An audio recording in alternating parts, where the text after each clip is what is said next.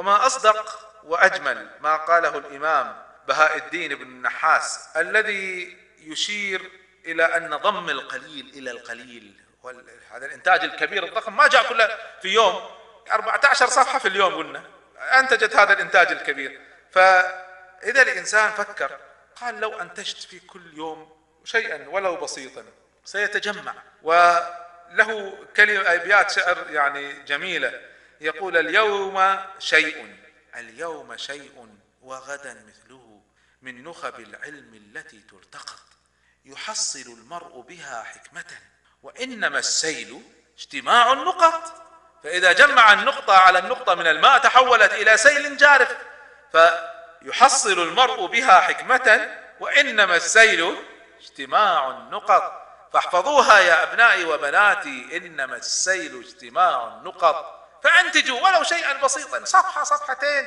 مشروع صغير هنا اجمعوا لكم للقدس كم فلس هنا كم ريال هنا.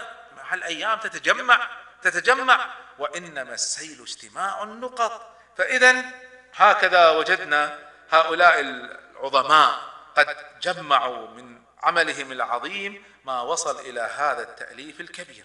وكان الباقلاني رحمه الله لما تعلم شوفوا بعض العلماء تعلم هذا طبعا إنتاجهم ليس بهذه الدرجة لأن بدأوا متأخرين نسبيا بالنسبة للآخرين. لما تعلم هذا ورد في الديباج المذهب أن القاضي أبا بكر محمد بن الطيب الباقلاني كان ورده كل ليلة عشرين ترويحة يصلي كل ليلة عشرين ركعة ولا ينام حتى يكتب خمسا وثلاثين ورقة. إذا تعلم منهج. أن كل يوم إنتاج. كل يوم إنتاج. 35 ورقة. مع الأيام ستجد أن صارت مجلدات. فهكذا كانوا رحمة الله عليهم.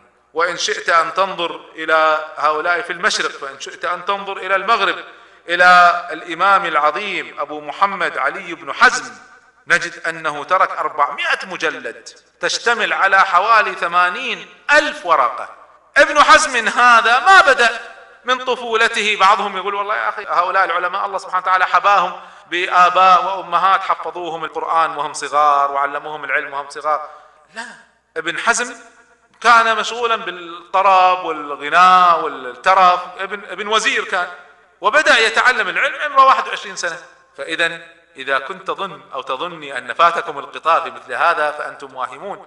وإن شئتم أن تنظروا في سيرة العز بن عبد السلام. العز بن عبد السلام ما بدأ يؤلف إلا وقد صار عمره 51 سنة. بدأ يطلب العلم ويكتب ويؤلف 51 سنة. 51 سنة! ونحن نجد شباب اليوم يقول لا خلاص راحت علينا. كيف راحت عليك؟ فرصتك ما زالت قائمة. إن كنت من أصحاب الهمم وإن كنت من أصحاب الإنجاز والعطاء فهذا كله نماذج عظيمة في قضية إدارة الوقت وترتيب الوقت. نتج عنها أمر هذا الإنتاج العلمي الكبير. وإن شئت أن تنظر في الاقتصاديين لوجدت من ترك المشاريع الضخمة في حياته. يعني لما يأتينا واحد من تجار المسلمين اليوم يبدأ ساعي بريد ما عنده شيء. والآن عنده 260 شركة. يعني الواحد يفكر فيها لو يعطي لكل شركة يوم ما يبقى له شيء في السنة إلا لأيام راحته. فكيف استطاع أن يحقق كل هذا؟ لا شك هذا بسهر الليالي بالتعب بالجد.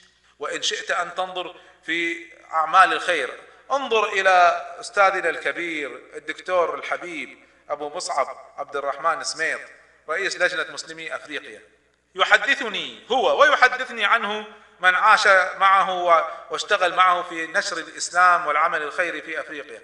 أسلم على هذه اللجنة حتى آخر مرة سمعت الإحصائية ستمائة ألف إنسان. ستمائة ألف لأن يهدي الله بك رجلا واحدا. خير لك مما طلعت عليه الشمس. دعونا من الحديث عن السلف الصالح انظروا الآن انظروا في في الحديث. أنا عشت مع بعض الإخوة الأفاضل. له في السنة 25 مؤلف. وليست من المؤلفات بعض المؤلفات باللغة الإنجليزية في أمريكا نشرت واعتمدت في الجامعة هناك. كيف يحقق مثل هذا إلا بجد وإنجاز؟ واحد من أساتذتي الذين درسوني دكتور باكستاني مسلم. له 104 أبحاث. أنا قرأت عناوينها. من أين له كل الوقت أن يفعل هذا؟ إلا أنه نظم وقته ورتب حياته واستفاد من كل لحظة من وقته. وإن شئت أن تنظر في مشاريع الجهاد وإن شئت أن تنظر في العطاء السياسي والفكري والاقتصادي والاجتماعي والأسري وغير في كل مجالات الحياة تجد هذه النماذج العظيمة من الرجال والنساء في كل أصناف الحياة إذا جد الإنسان وعرف كيف يستغل وقته وكيف يستفيد من وقته. أريد أن أختم هذا الشريط بأمر أنه من المهم جدا أن يحدث توازن عند الإنسان.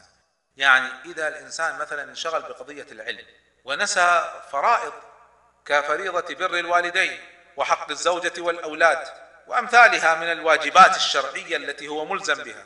فلا شك أنه يحدث عنده خلل وقد يؤدي هذا الخلل إلى أحيانا كوارث كم رأينا من الصالحين أولادهم فاسدين لأنهم انشغلوا عنهم بالدعوة أو بالتأليف أو بالعلم أو بالجهاد وتركوهم للشيطان.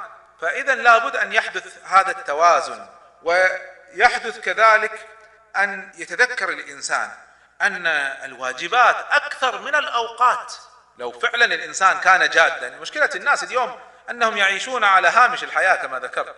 ولذلك ما يحسون أن في واجبات كثيرة. لكن من دخل في الجد وحاول أن ينتج إنتاجا جادا ويكون في نفس الوقت متوازنا سيجد أن الواجبات أكثر من الأوقات. ولذلك احرص على أن تستفيد من وقتك. أكبر استفادة وتعين الآخرين على استفادة من وقتهم. لا تضيع وقت الآخرين. واطلب من الآخرين أن يعينوك على الاستفادة من وقتك. واطلب من إخوانك الذين يعني أحبوك واطلب منهم أن يعينوك في أوقات انشغالك. ولولا أن سخر الله سبحانه وتعالى من إخوتي الأحبة الأفاضل من يعينني والله ما أنتجت ربع هذا الإنتاج. إذا هي قضية تعاون على الخير وعلى البر والتقوى. وأحرص أن تربي أولادك وأهلك على هذه المعاني ليعينوك. فعندما تجد زوجة صالحة مؤمنة تعرف قيمة ما تفعل وتبدأ تدعو لك وتبدأ تسهل عليك الأمور وتحمل عنك بعض هموم البيت وواجبات. عندها تستطيع أن تنتج أكثر. وتحرص كذلك على الاستفادة من أوقات العطاء. لأن الدنيا ليست كلها أوقات عطاء. الإنسان يمرض الإنسان يتعب الإنسان ينشغل. فإذا كنت تريد أن تكون جادا توازن ليس فقط بين الواجبات والحقوق وإنما أيضا توازن توازن من ينتج إنتاج كبير في وقت الصحة ووقت الفراغ حتى إذا انشغل ما يذهب عليه ذلك. ولذلك كان العلماء رحمة الله عليهم يبكون على مثل ذلك. اسمعوا. مرض عبد الله بن مسعود. يقول شفيق بن عبد الله فعدناه زرناه وهو مريض. فجعل الصحابي الجليل عبد الله بن مسعود رضي الله عنه يبكي. فعوتب. عاتبوه كيف تبكي؟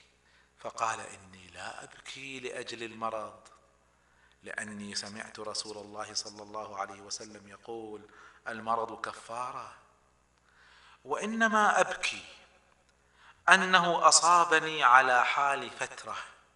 يعني أصابني وأنا ماني نشيط في فترة خمول ولم يصبني في حال اجتهاد. فتعجبوا يعني ما الفرق؟ يصيبك المرض وأنت نشيط ولا يصيبك وأنت ما عندك إنتاج ولا عندك عطاء؟ فقال إنه يكتب للعبد من الأجر إذا مرض ما كان يكتب له قبل أن يمرض فمنعه منه المرض. فإذا كنت أنت نشيط تصلي وتكتب وتؤلف وتدعو وتتحرك وتأمر بالمعروف وتنهى عن المنكر وتشجع العمل الخيري وتشارك في دعم المجاهدين في القدس وغيرها. إذا كنت في هذا وأصابك المرض يستمر العداد شغال. بينما إذا كنت أنت أصابك المرض وأنت خامل كسول لا دعوة ولا صلاة ولا نوافل ولا قرآن ولا جهاد ولا عمل خيري ولا تأليف ولا العداد اللي شغال أين هو؟ فإذا إذا كنت تريد العداد يستمر وأنت مريض لازم تكون في وقتك دائما في انشغال وفي جد. وهذا رد على بعض الناس الذي يطالب بعض أهل الهمم يقول لا خفف على نفسك ريح شوية يريح وقت المرض لا تخاف سيرتاح وقت المرض وقت التعب. وإنما هذا العداد الذي يعمل ويتصل إنما يتصل بما كنت تنشط فيه بنيتك. ماذا؟ والله ناوي المشروع الفلاني. أعجزت أن تنوي أعج... يا أخي يا أختي يا بنتي يا ابني انو انو انوي تقوم ليل انوي تصلي انوي تختم قرآن انوي تحفظ انوي تدرس تؤلف تجمع مبلغ معين للقدس. والعمل الخيري و... انوي. أنا والله نظرت وتأملت. ما وجدت أعجز من الذي يعجز عن النية. انوي يا أخي انوي. إذا فعلتها لك عشرة أضعاف وإن لم تفعلها لك أجر. لأنك إذا هممت بحسنة ولم تفعلها كتبت لك حسنة. وإن فعلتها كتبت لك عشرا. ولذلك جاء في الحديث الذي يرويه البخاري تاكيدا لهذا المعنى وتوضيحا له. حديث النبي صلى الله عليه وسلم إذا كان العبد يعمل عملا صالحا فشغله عنه مرض أو سفر كتب الله له كصالح ما كان يعمل وهو صحيح مقيم. فسبحان الله كيف لا ننشط؟ وكيف لا نتحسر أن يصيبنا المرض ونحن في حالة ضعف وكسل وعدم نشاط. هذه المسألة كم ننشط وكيف ننشط؟ كما ذكرت تختلف من إنسان إلى آخر وينبغي لكل واحد منا أن يشكل حياته بما تتناسب مع قدراته وميوله وظروفه.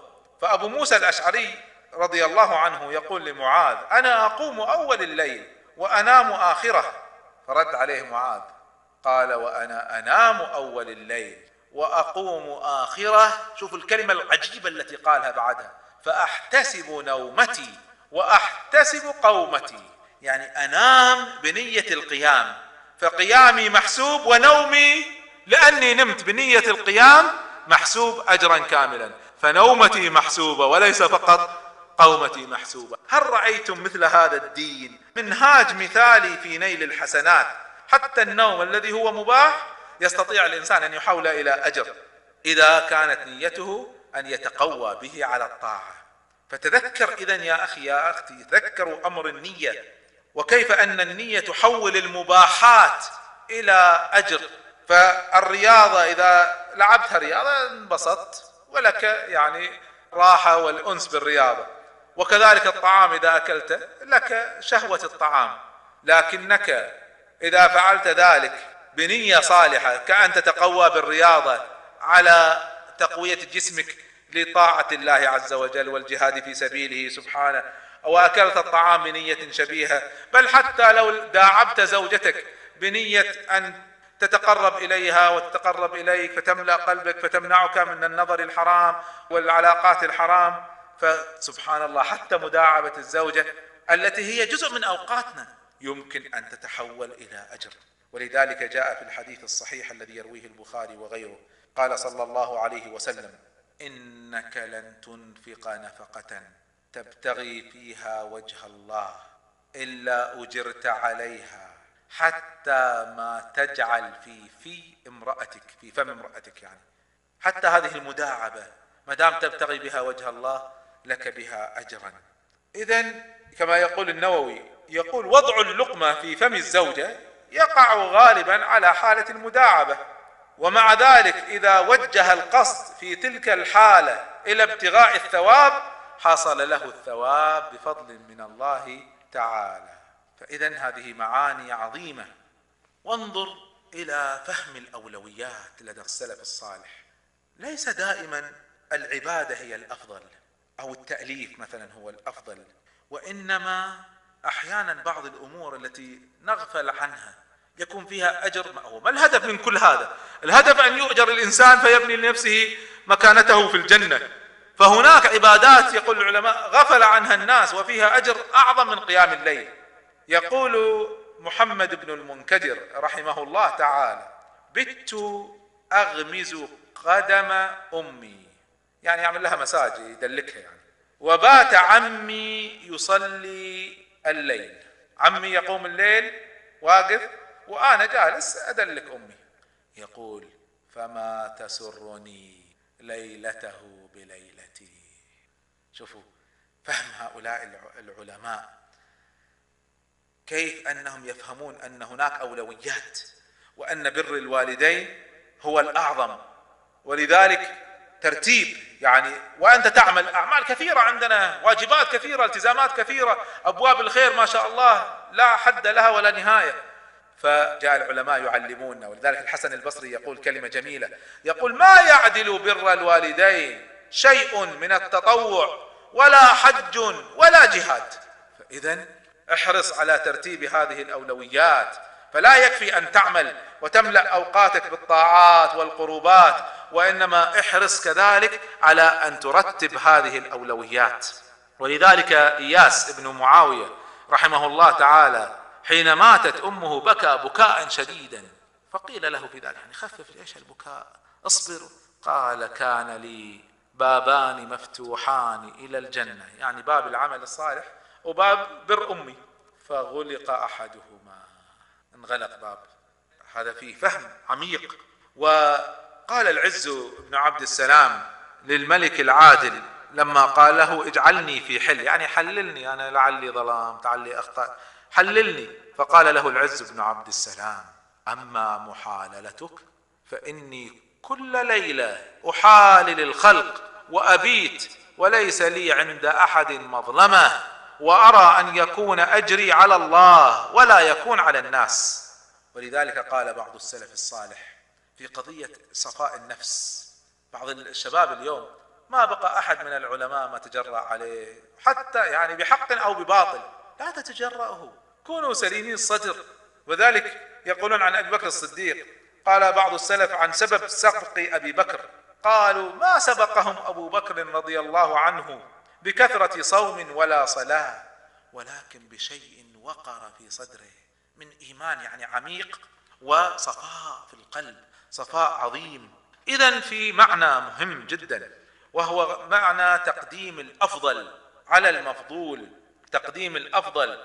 ولا تنشغل بالمفضول لا تنشغل وإنما احرص على أن تفهم أي العمل أفضل الآن. فتقدمه يعني إذا أذن المؤذن أفضل العمل هو أداء الصلاة وليس الانشغال بغيرها.